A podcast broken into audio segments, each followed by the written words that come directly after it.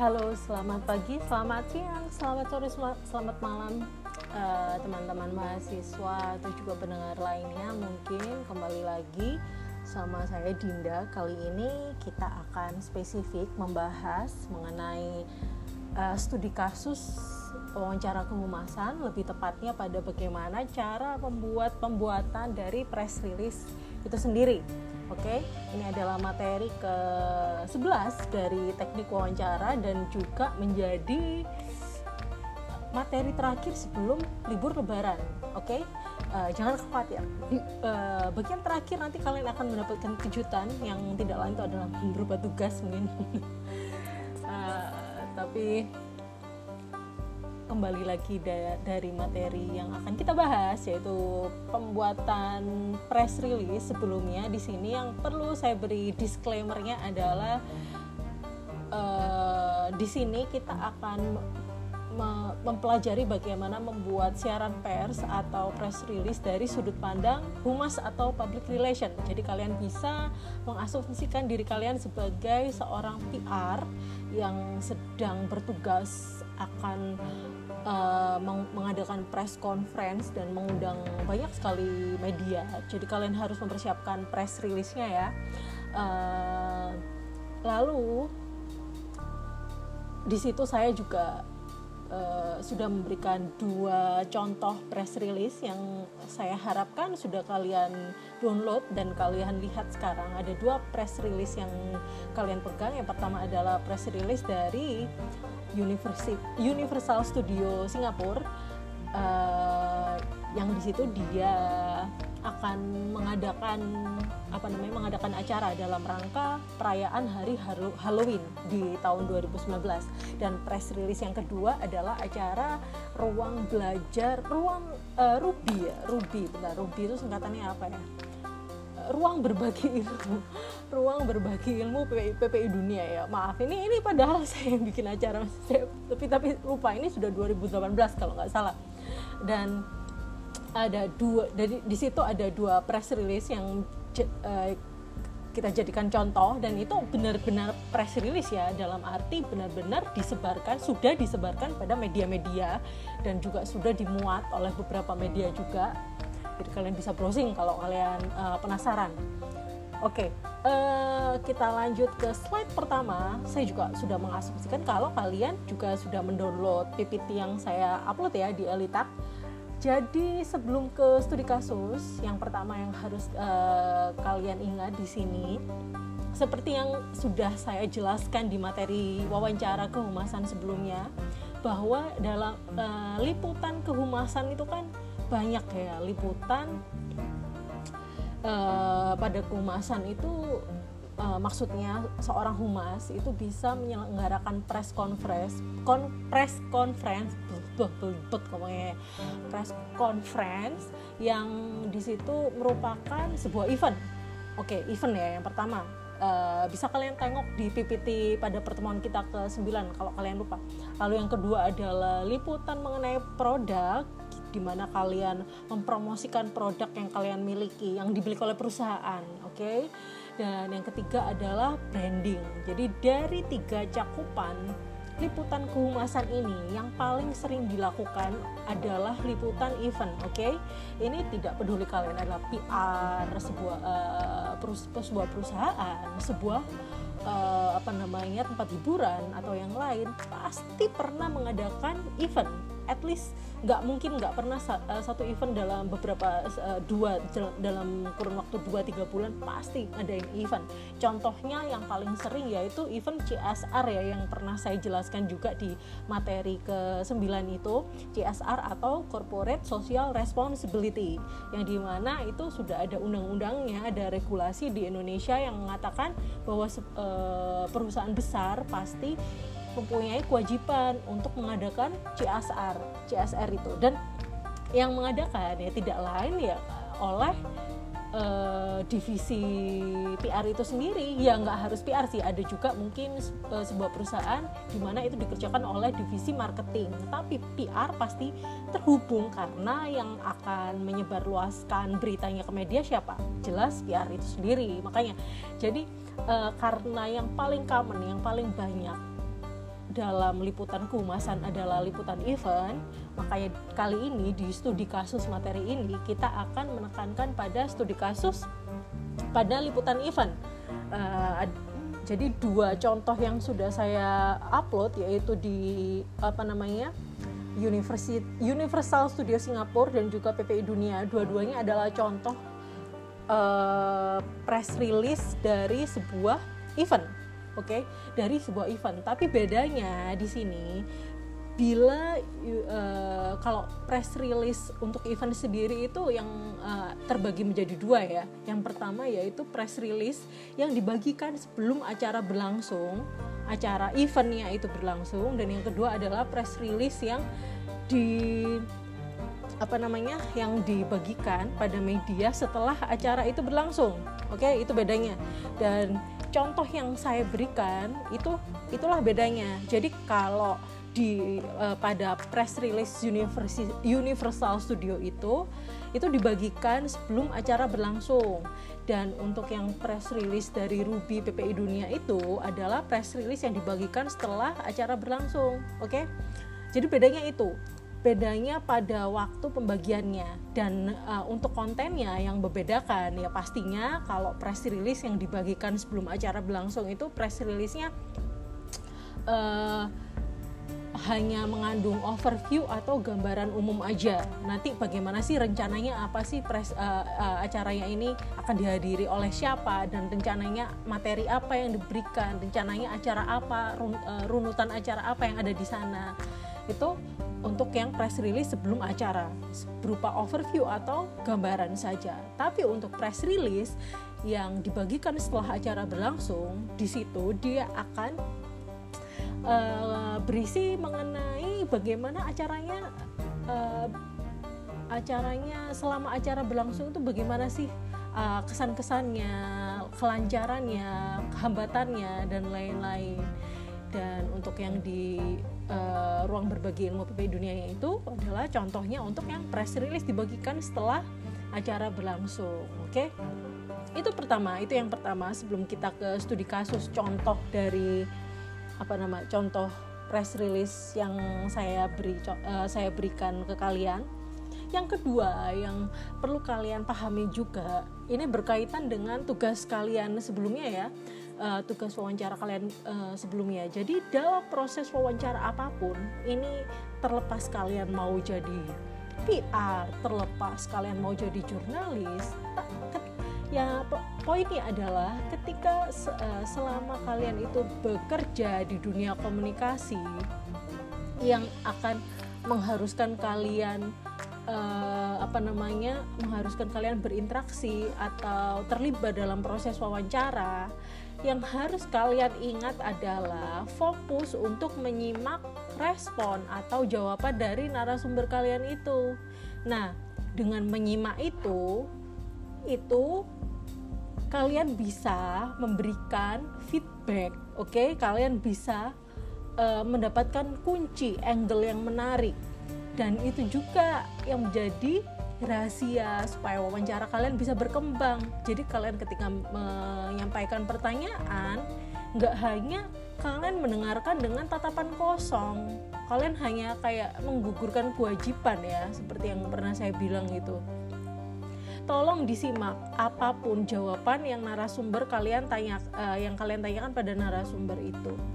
Karena di situ kalian nanti bisa mengembangkan mengembangkan topik yang kalian buat itu sendiri dan data yang kalian hasilkan ya pastinya jauh lebih komplit kalau banyak feedback di sana. Jadi nggak hanya satu arah. Kalian tanya dia menjawab hanya seperti itu. Jadi dua arah komunikasi yang efektif itu kan seperti itu oke? Okay? itu yang kedua. Dan yang ketiga ini untuk secara teknis penulisannya. Ini ini bahasa Indonesia dasar ya gimana kalian itu menuliskannya dengan teknik deduktif atau dari umum ke, ke khusus? Ini kan uh, sangat umum. Gimana kalian menjelaskan secara umum dulu baru uh, apa namanya dari paragraf ke paragraf selanjutnya itu berlangsung uh, itu menuju ke hal-hal yang spesifik seperti itu. Oke? Okay? lanjut slide yang ketiga. Nah di sini adalah unsur ketika kalian akan membuat press release itu dalam konteks wawancara event oke okay? uh, sebenarnya ini sudah saya bahas ya di pertemuan sebelumnya pada liputan event liputan uh, wawancara dalam event tapi sebelum kita menginjak ke studi kasus contoh press release-nya uh, saya ingin ulangi ini dulu gimana dalam sebuah press release harus mengandung unsur-unsur seperti yang ada di bawah ini yang pertama misalnya adalah menjelaskan cakupan dari suatu acara jadi acara itu berupa hanya satu acara aja atau berupa serangkaian acara. Itu yang itu yang sangat penting. Karena uh, sebagian besar event khususnya event-event yang diadakan oleh perusahaan besar pasti mereka punya serangkaian acara yang ha, yang akan dijadikan satu. Dan itu harus uh, ditekankan di press release pertama yang akan kalian buat supaya uh, jurnalis wartawannya paham kalau oh ternyata acaranya nggak hanya ini acaranya ada ini ini ini. Jadi sepertinya saya akan meliput yang bagian ini ini ini. Seperti itu. Jadi ketika kalian membuat press release ma, uh, entah itu adalah baik itu merupakan press release yang akan disebar sebelum acara ataupun setelah acara kalian tetap harus menjelaskan tetap harus diulangi kalau acara tersebut adalah bersifat satu acara atau merupakan rangkaian dari acara yang besar misalnya seperti itu. Oke itu yang pertama. Yang kedua yaitu memberikan memberikan highlight ya. Uh, jadi yang dimaksud highlight di sini adalah angle-angle yang berpotensi untuk diambil sama media. Dan itu biasanya bersifat ini ya sifatnya adalah soft promotion. E, gimana kalian paham? Biasanya kan kalau nilai berita yang tinggi biasanya punya nilai promosi yang rendah. Begitu juga sebaliknya karena kalau promosi produk e, istilahnya e, audiens atau pembaca males kalau dia baca berita tapi itu uh, itu isinya merupakan promosi produk. Kalau gitu apa bedanya kan mereka sama nonton iklan? Nggak ada bedanya. Jadi karena itu para jurnalis itu mereka suka ngambil angle yang sifatnya apa namanya e, nilai yang syarat yang nilai beritanya tinggi dan punya nilai promosinya rendah karena ya memang itu bukan iklan seperti itu dan highlight yang diambil oleh humas sebaiknya ada beberapa dalam pers release tersebut. Ini nanti ada di contohnya. Nanti saya berikan apa namanya uh, contoh yang detail di, di uh, yang sudah saya berikan di contoh yang sudah saya berikan. Yang ketiga yaitu informasi yang mendetail dari 5W1H. 5W1H ini pasti ya, pasti ini adalah uh, apa namanya? sifatnya wajib kalau dalam suatu press release entah itu yang bersifat hard news atau mau model pemberitaan seperti apa pun 5W1H ini pasti ada di dalamnya yang keempat yang keempat ini narasumber yang harus disiapkan oleh PR yang harus kalian siapkan berkaitan dengan isi per, pers release-nya jadi ini uh, semacam siapa yang kalian sediakan untuk dikutip oleh para media uh, biasanya hal yang seperti ini sudah dikoordinasikan oleh PR dengan jajaran atas dengan atasannya. Jadi misalnya kalian di hanya apa menuliskan berita uh, pers release-nya tanpa tanpa kalimat kutipan, terus kalian hanya menjelaskan secara umum beritanya dan di situ kan ada kontak kalian, ada kontak PR-nya siapa dari perusahaan apa yang memberikan pers release tersebut. Nah, biasanya kalau yang kalian berikan yang seperti itu ya uh, nanti medianya akan mengutip nama kalian sebagai PR dari perusahaan kalian itu. Tapi kalau di dalam pers rilisnya kalian memberikan apa namanya nah uh, misalnya kutipan dari suatu narasumber anggaplah saja misalnya CEO atau direktur dari perusahaan yang uh, tempat kalian bekerja nah di situ bisa saja media akan memberikan mengambil kutipan yang seolah-olah uh, di mana itu sumbernya adalah uh, atasan kalian itu yang kalian cantumkan namanya di di pers release yang kalian buat seperti itu dan jangan lupa juga uh, stakeholder atau pemangku kepentingan atau uh, pihak-pihak yang bekerja sama dengan kalian dalam suatu acara itu juga disebut dalam press release tersebut. Yang kelima terakhir adalah lampiran foto atau lampiran-lampiran lain itu pastinya disertakan. Ini biasa ini sih tentatif ya, nggak semua press release biasanya memang menyediakan uh, lampiran foto karena kan media juga nggak hanya media cetak, ada juga media elektronik yang di mana mereka butuh rekaman, bukan buku, bukan uh, visualnya bersifat beda, juga media uh, apa namanya seperti broadcasting, radio juga lebih bersifat apa verbal kalau mereka. Jadi biasanya untuk hal yang bersifat lampiran itu lebih tentatif karena nanti itu sifatnya bisa follow up ke public relationnya masing-masing. Jadi uh, para jurnalisnya itu mereka bisa menghubungi lagi sesuai dengan kebutuhan mereka. Misalnya ada yang butuh foto ya nanti bisa minta foto atau kalau yang punya fotografer mungkin bisa mengadakan photoshoot di tempat uh, humasnya itu. Ini sangat bervariasi seperti itu. Tapi uh, alangkah baiknya memang kita sediakan saja untuk foto dengan jangan lupa uh, diberikan kredit foto atau siapa copyright atau hak cipta dari foto yang kalian lampirkan misalnya uh, itu adalah foto yang mengambil adalah fotografer tempat kalian bekerja dan di situ berarti hak ciptanya ya kalian sertakan aja. E, nama perusahaan kalian copyright by PT bla bla bla misalnya seperti itu. Oke ya itu untuk unsur dari press release itu sendiri. Dan selanjutnya sekarang saya uh, kalian bisa membuka uh, contoh press release yang saya beri yang pertama yaitu dari Universal Studio Singapura. Uh, dan di situ pers rilisnya cukup panjang memang ya cukup panjang. Saya lumayan amazed uh, si CPR-nya cukup apa namanya cukup telaten untuk membuat banyak sekali informasi yang bisa diterima oleh media di mana nanti media bisa menyesuaikan sesuai dengan standar dan kebutuhan media mereka masing-masing seperti itu ya. Makanya ini uh, saya jadikan contoh pada kalian. Uh, oke okay, di situ kita bahas satu-satu oke? Okay? mulai dari cakupan acara sampai lampiran. Dalam konteks Universal Studio Singapura yang di mana dia adalah uh, liputan event yang pertama ada uh, ini ya cakup untuk cakupan acaranya yang pasti bisa kalian tahu kalau itu adalah rangkaian acara. Rangkaian acara dari uh, perayaan Halloween.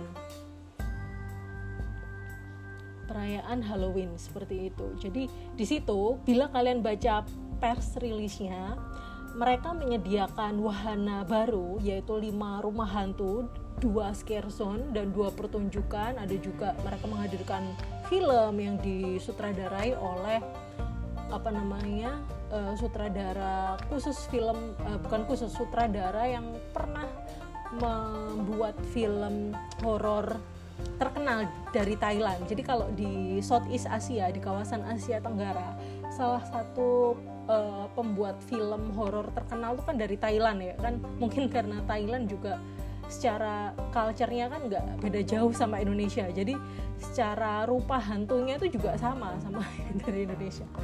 Kalau kalian mungkin ini ya apa namanya pernah notice uh, tipe-tipe hantunya itu juga sama sama hantu-hantu yang dimiliki sama Indonesia. M mungkin karena uh, oleh sebab itu jadi orang Indonesia itu juga lumayan serem kalau nonton film horornya Thailand ya, orang Malaysia juga. Kita kan satu rumpun. Jadi ibaratnya masih inilah masih nyetrum seperti itu ya. Dan uh, dalam pers rilisnya Universal Studio Singapura ini mereka menjelaskan kalau di situ apa namanya mereka juga bekerja sama sama beberapa pihak ya yang uh, apa namanya yang untuk membuat pertunjukan-pertunjukan Halloween itu.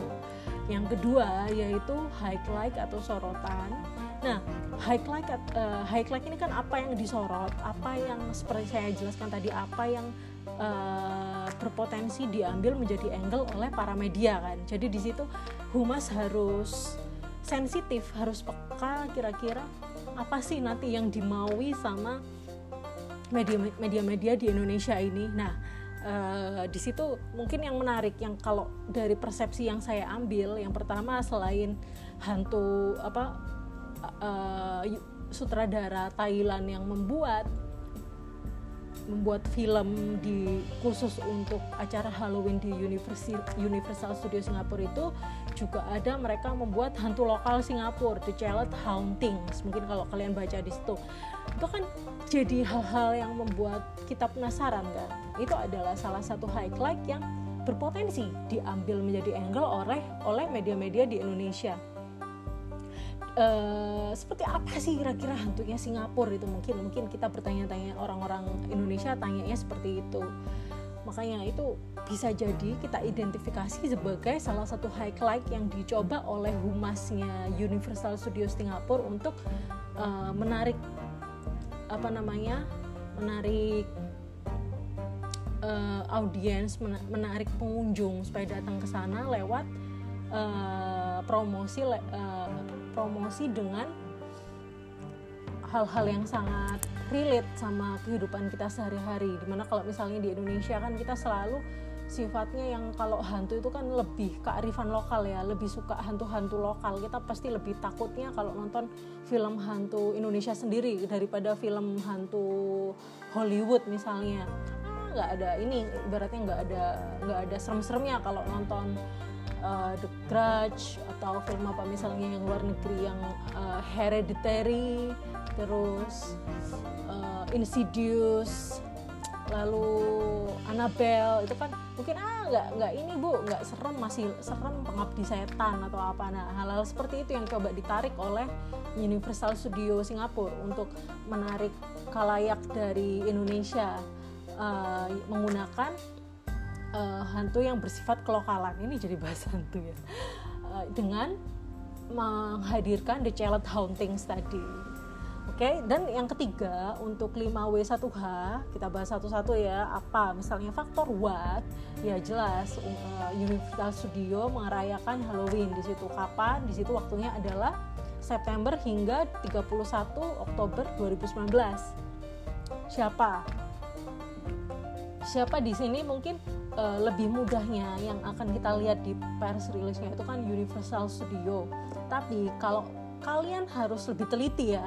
Jadi uh, Universal Studio itu apakah benar-benar apa namanya suatu tempat hiburan yang berdiri sendiri atau apa? Nah ternyata kalau kalian lebih baca lagi di situ di pers rilisnya sebenarnya Universal Studio itu adalah bagian dari Resort World Sentosa atau Pulau Sentosa yang di mana di situ punya lahan yang sangat luas beberapa puluh hektar dan Universal Studio itu adalah masuk dari salah satu tempat hiburan di Resort World Sentosa itu.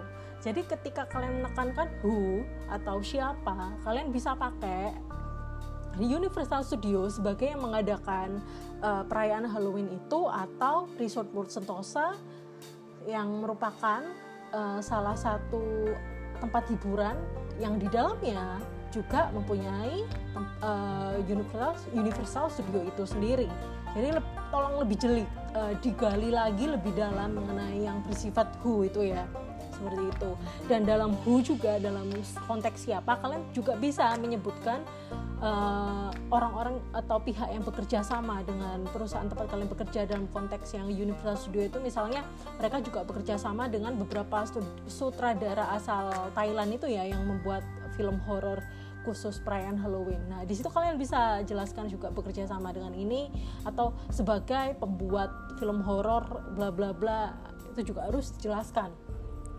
Where tempatnya lokasinya ya lebih tepatnya adalah di Pulau Sentosa atau Sentosa Island, Singapura. Kenapa? uh, kenapanya di sini yang saya tarik adalah momentum Halloween yang di mana juga sudah dirayakan oleh banyak sekali orang-orang di seluruh dunia termasuk di Indonesia ya apa namanya mungkin nggak semua tapi pasti ada beberapa pihak beberapa kalangan dari di Indonesia di Surabaya apalagi yang juga ikut merayakan perayaan Halloween seperti ini. Apalagi kalau di Surabaya kan ibaratnya kita juga sudah punya komunitas yang namanya Crazy Rich Surabaya. Ah, oke okay. itu out of the context. Next itu adalah how. Bagaimana bagaimana ini berlangsung? Ya kalian jelaskan lebih lebih detail aja. Misalnya seperti beberapa ada uh, rumah hantu itu bedanya apa? Lalu filmnya nanti yang dibuat oleh sutradara Thailand itu bercerita mengenai apa atau ya ada, acara pelengkap itu scare zone tadi berupa tempat yang seperti apa seperti itu. Narasumber di situ kalian bisa lihat di press release-nya bahwa uh, si narasu uh, apa namanya selain ada kontak public relation dari Resort World Sentosa atau uh, uni, uh, ya ini adalah jadi yang di situ di kontaknya yang kalian bisa lihat kontak personnya yang disediakan di situ itu adalah PR-nya Resort World Sentosa bukan PR-nya Universal Studio. Mungkin kalian bisa biar lebih peka ya. Uh, harus lebih aware sama hal-hal seperti ini. Jadi jangan lantas yang mengadakan adalah Universal Universal Studio, lantas kalian langsung aja tulis jadi uh, eh, PR-nya adalah PR-nya Universal Studio. Padahal ternyata ini adalah PR-nya yang apa namanya uh, perusahaan yang punya Universal Studio di Singapura yaitu Resort World Sentosa itu sendiri. Dan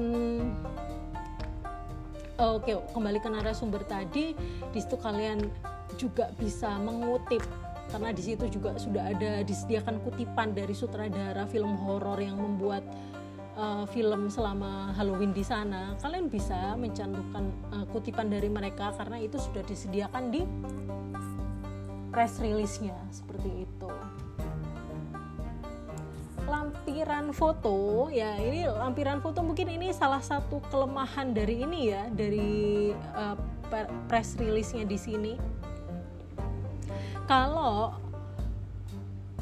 mereka hanya mencantumkan foto dari sutradara dan poster dari acara mereka. Padahal kan yang lebih menarik adalah gimana sih mungkin wajahnya The Charlotte Hauntings atau hantu Singapura itu atau foto-foto apa namanya foto-foto dari rumah hantu yang ada kan ada lima hantu lima rumah hantu yang berbeda nah kalau kalian butuh hal-hal seperti ini ya ini adalah harusnya inisiatif dari jurnalisnya untuk menghubungi uh, kontak personnya sendiri untuk menghubungi PR-nya kira-kira ini enggak sih uh, mereka menyediakan enggak sih? Karena enggak mungkin setahu saya kalau di media-media di Indonesia mereka enggak akan mau memuat uh, poster promosi acara seperti ini kecuali mereka ngiklan ya karena ini uh, apa namanya sangat sifatnya sangat hard promotion. Seperti itu. Oke itu yang untuk studi kasus Universal Studio. Yang kedua yang studi kasus kedua kita ke ruang berbagi ilmu PPI dunia. Di situ kalian lihat press release yang sudah uh, saya bagikan bisa lihat ya uh, untuk cakupan acara di sana ada dua acara jadi itu uh, adalah rangkaian acara sebenarnya. Ruang berbagi ilmu PPI dunia. Yang press release yang dibagikan itu adalah uh, press release dari dua acara pertama dari seluruh rangkaian ruang berbagi ilmu PPI dunia. Jadi kita bisa masukkan, kita bisa klasifikasikan ini menjadi acara uh, press release press release yang dibagikan setelah acara berlangsung. Karena memang ini setelah dua acara berlangsung sudah dibagikan. Mau bisa uh, jadi PP uh, sepertinya ini PPI dunia mereka setelah acaranya semua selesai mereka akan membagikan press release sekali lagi. Jadi itu memang nggak ada aturan ya kita bisa bikin press release sebanyak-banyaknya. Setiap acara kita bisa bikin press release yang berbeda atau kita mau bikin press release yang di depan yang overview tadi atau yang di belakang yang jadi satu semuanya seperti itu juga bisa. Itu nggak ada aturan. Itu uh, bergantung dari inisiatif masing-masing organisasi, masing-masing perusahaan, gimana mereka maunya, mungkin mereka punya pertimbangan yang berbeda-beda, kenapa press release-nya mau dibagi, mau dijadikan satu di awal, di tengah, di belakang, seperti itu. Itu benar-benar bergantung dari uh, instansi, perusahaan atau organisasi tersebut. Nah, dalam konteks ruang berbagi ilmu PPI dunia ini, sepertinya mereka uh, mempunyai dua pre press release yang berbeda yang dibagikan. Yang pertama, ketika dua acara pertama selesai diadakan, yang kedua setelah semua acaranya selesai seperti itu. Dan dua acara pertama ini berlangsung di Jawa Timur, di Bondowoso dan Ponorogo ya, yang ada di press release-nya itu. Jadi di situ harus dijelaskan cakupan acaranya kan di situ dijelaskan kalau ini juga diselenggarakan di mana ini? Di NTT atau NTB tadi ya sama ada dua uh, dua tempat lainnya yang bukan di Jawa dan juga uh, yang sedangkan dua pertama diadakan di Jawa tepatnya di Jawa Timur. Itu untuk cakupan acaranya. Jadi ini merupakan satu rangkaian uh, apa namanya dua acara pertama dari suatu rangkaian acara. Dan yang kedua adalah highlight atau angle yang berpotensi diambil oleh media media-media di Indonesia. Nah, di sini uh, yang saya identifikasi ini ini padahal maksudnya saya juga yang bikin press release-nya. Ini ketika saya masih S2 lalu saya bergabung sama PPI Dunia karena saya punya basic jurnalis jadi saya disuruh bikin press release-nya ya. Eh, tapi memang tugas saya, maksudnya karena tugas saya juga karena saya juga bagian dari tim komunikasinya mereka saat itu uh, jadi sorotan apa sih apa sih highlight yang kira-kira menarik untuk diambil dari media pada umumnya dan waktu itu yang saya ingat secara mainstream itu kan media biasanya suka ya memberitakan misalnya uh, apa namanya uh, mahasiswa yang sedang kuliah di luar negeri ketika pulang ngajar di pedalaman atau seperti apa. Nah itu yang coba salah satu yang saya coba gali di sana. Jadi highlightnya yang pertama yang menarik bisa jadi adalah pelajar Indonesia di luar negeri yang pulang untuk mengajar untuk mengajar guru-guru di daerah di daerah-daerah lalu yang kedua juga adalah guru-guru uh, di daerah yang mendapatkan pengalaman baru pengalaman uh, berbagi ilmu sama uh, mahasiswa-mahasiswa uh, sama pemuda-pemuda Indonesia yang sedang apa namanya sedang menuntut ilmu, sedang jadi perantau di luar negeri. Itu seperti apa? Ini juga menarik. Jadi banyak juga yang perlu kalian tahu media-media yang mereka lebih tertarik untuk mengambil angle dari sisi objek, dari sisi orang yang mendapatkan manfaat dari yang di apa namanya berikan oleh si pe, peng, pengada acara itu. Dan jadi di sini kalau kalian mau mengadakan acara jangan lupa kalian juga mengambil bukan testimoni ya seperti pendapat atau cerita dari orang yang salah satu orang yang merasakan acara yang kalian adakan ya memang mirip testimoni jadinya cuman uh, itu biasanya akan diambil jadi eh, jadi jadi highlight oleh media-media mainstream yang seperti apa namanya di TV-TV seperti di media cetak juga mereka banyak mengambil dari sudut pandang orang yang merasakan dampak, merasakan manfaat seperti itu. Makanya di situ di press release kalian bisa lihat di akhir acara itu kan ada salah satu cerita dari salah satu guru yang merasakan uh, pengalaman ketika mereka mengikuti acara bersama PPI dunia itu seperti itu oke? Okay? itu jadi highlightnya. Di situ ada beberapa highlight yang saya kasih waktu itu uh, apa namanya yang saya tuangkan di situ.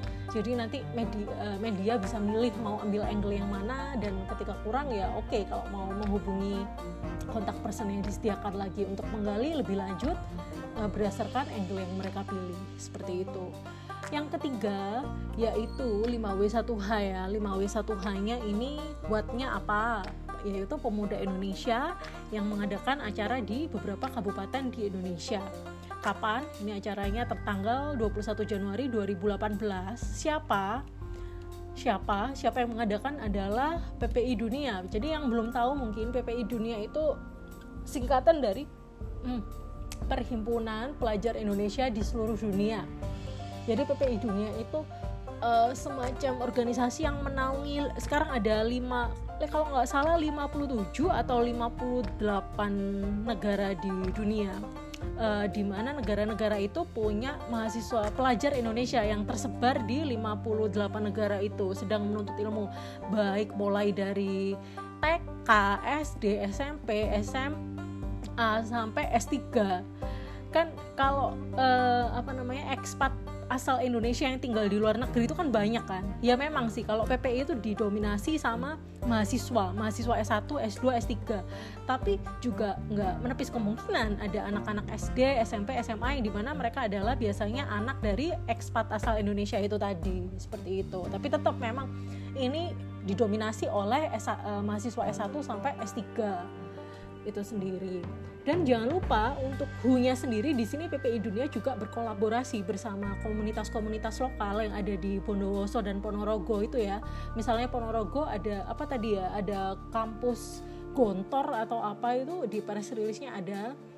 Terus ada Forum Muda Ponorogo kalau nggak salah ya dan dan where ini ini ini uh, dua acara pertama diadakan di Bondowoso dan Ponorogo why ini bisa bersifat uh, pengabdian atau mengapa pengabdian kepada guru yang diambil oleh PPI mengapa mereka berkolaborasi dengan komunitas lokal?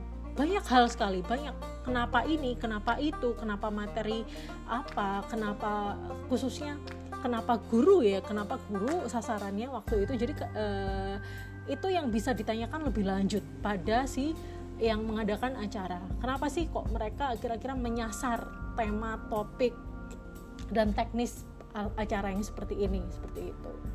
How, bagaimana ini uh, proses acaranya berlangsung?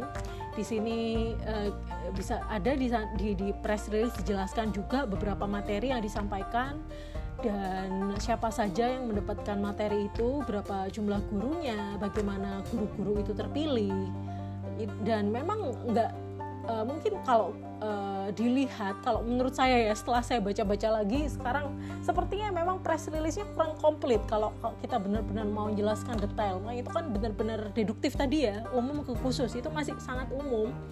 Dan kalau uh, ini biasanya sih jurnalis itu kalau masih butuh data mereka pasti akan menghubungi kontak person yang uh, disediakan itu tadi untuk melengkapi data yang merasa yang mereka rasa kurang seperti itu. Yang nomor empat narasumber. Nah di situ tuh kan kalau kita lihat uh, apa namanya surat uh, press release-nya di sana ada yang namanya Fadlan Muzaki selaku apa namanya selaku ketua Komisi Pendidikan PPI Dunia. Karena itu adalah program kerja dari Komisi Pendidikan. Berarti kan mungkin yang paling paham mengenai teknis konsep acara itu adalah si ketua Komisi Pendidikan itu tadi. Dan ternyata si ketua Komisi Pendidikannya itu juga hadir di acaranya. Ini uh, di situ adalah diketahui mas diketuai oleh Mas Fadlan ya. Mas Fadlan itu dari PPI Tiongkok mahasiswa S2 uh, international relation atau anak HI hubungan internasional. Dan di sana dia cukup juga cukup lengkap menjelaskan gimana konsep acaranya. Dan juga ada mungkin narasumber yang lain dari guru dari guru yang sudah merasakan apa namanya acara berlangsungnya uh, bagaimana acaranya itu berlangsung.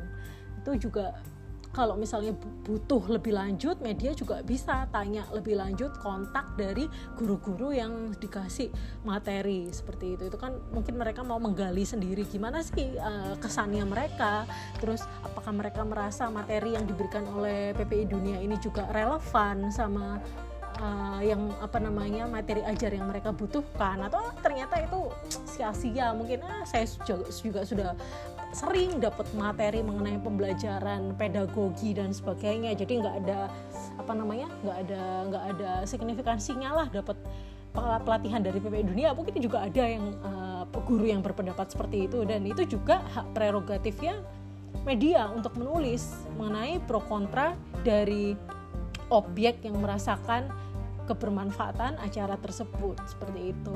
Dan terakhir yaitu lampiran foto. Di situ memang belum disediakan ya.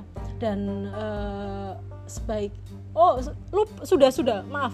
Jadi ketika itu karena waktu itu juga saya yang mengirim email ke media-medianya. Waktu itu kami juga sudah melampirkan attach apa namanya foto-foto berlangsung. Ini cuman kalian nggak saya kasih aja fotonya.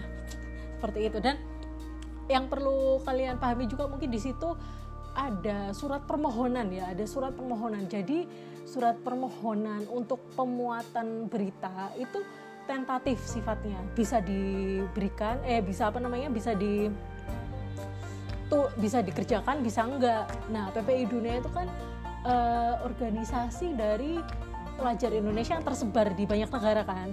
Karena kami sifatnya organisasi LDR organisasi yang nggak punya base camp. Base campnya di Jakarta tapi kita mana bisa kan ke Jakarta dari luar negeri kan?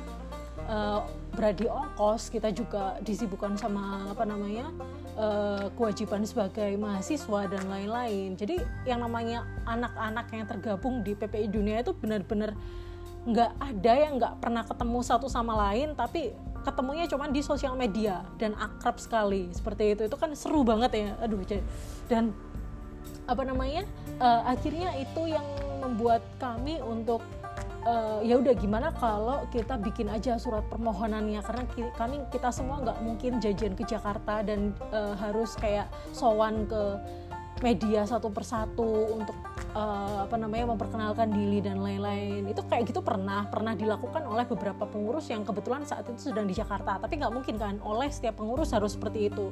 Akhirnya waktu itu kami sepakat untuk membuat uh, oke okay, kita ini aja kita bikin surat permohonan supaya terlihat lebih sopan terlihat lebih formal. Karena kami juga organisasi yang formal ya. Jadi uh, dikirimkan uh, beserta dari press release itu sendiri. Waktu itu memang setiap press release yang kami buat kami sertai dengan surat permohonan karena kami tahu betul media uh, media-media yang berbeda ya. Jadi satu surat juga pastinya berbeda dengan uh, surat lainnya. Maksudnya uh, yang ini suratnya untuk permohonan ke koran Kompas, yang ini permohonan ke koran Jawa Pos, yang ini permohonan ke misalnya Kumparan dan lain-lain.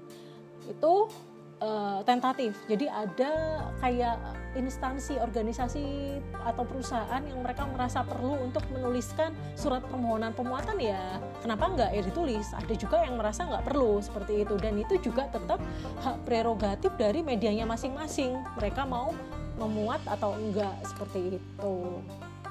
Jadi itu saja untuk uh, studi kasus dari press release ini ya, cara pembuatan press release secara singkat yang saya harapkan setelah ini kalian mencoba membuat press release itu sendiri. Oke, itu saja teman-teman.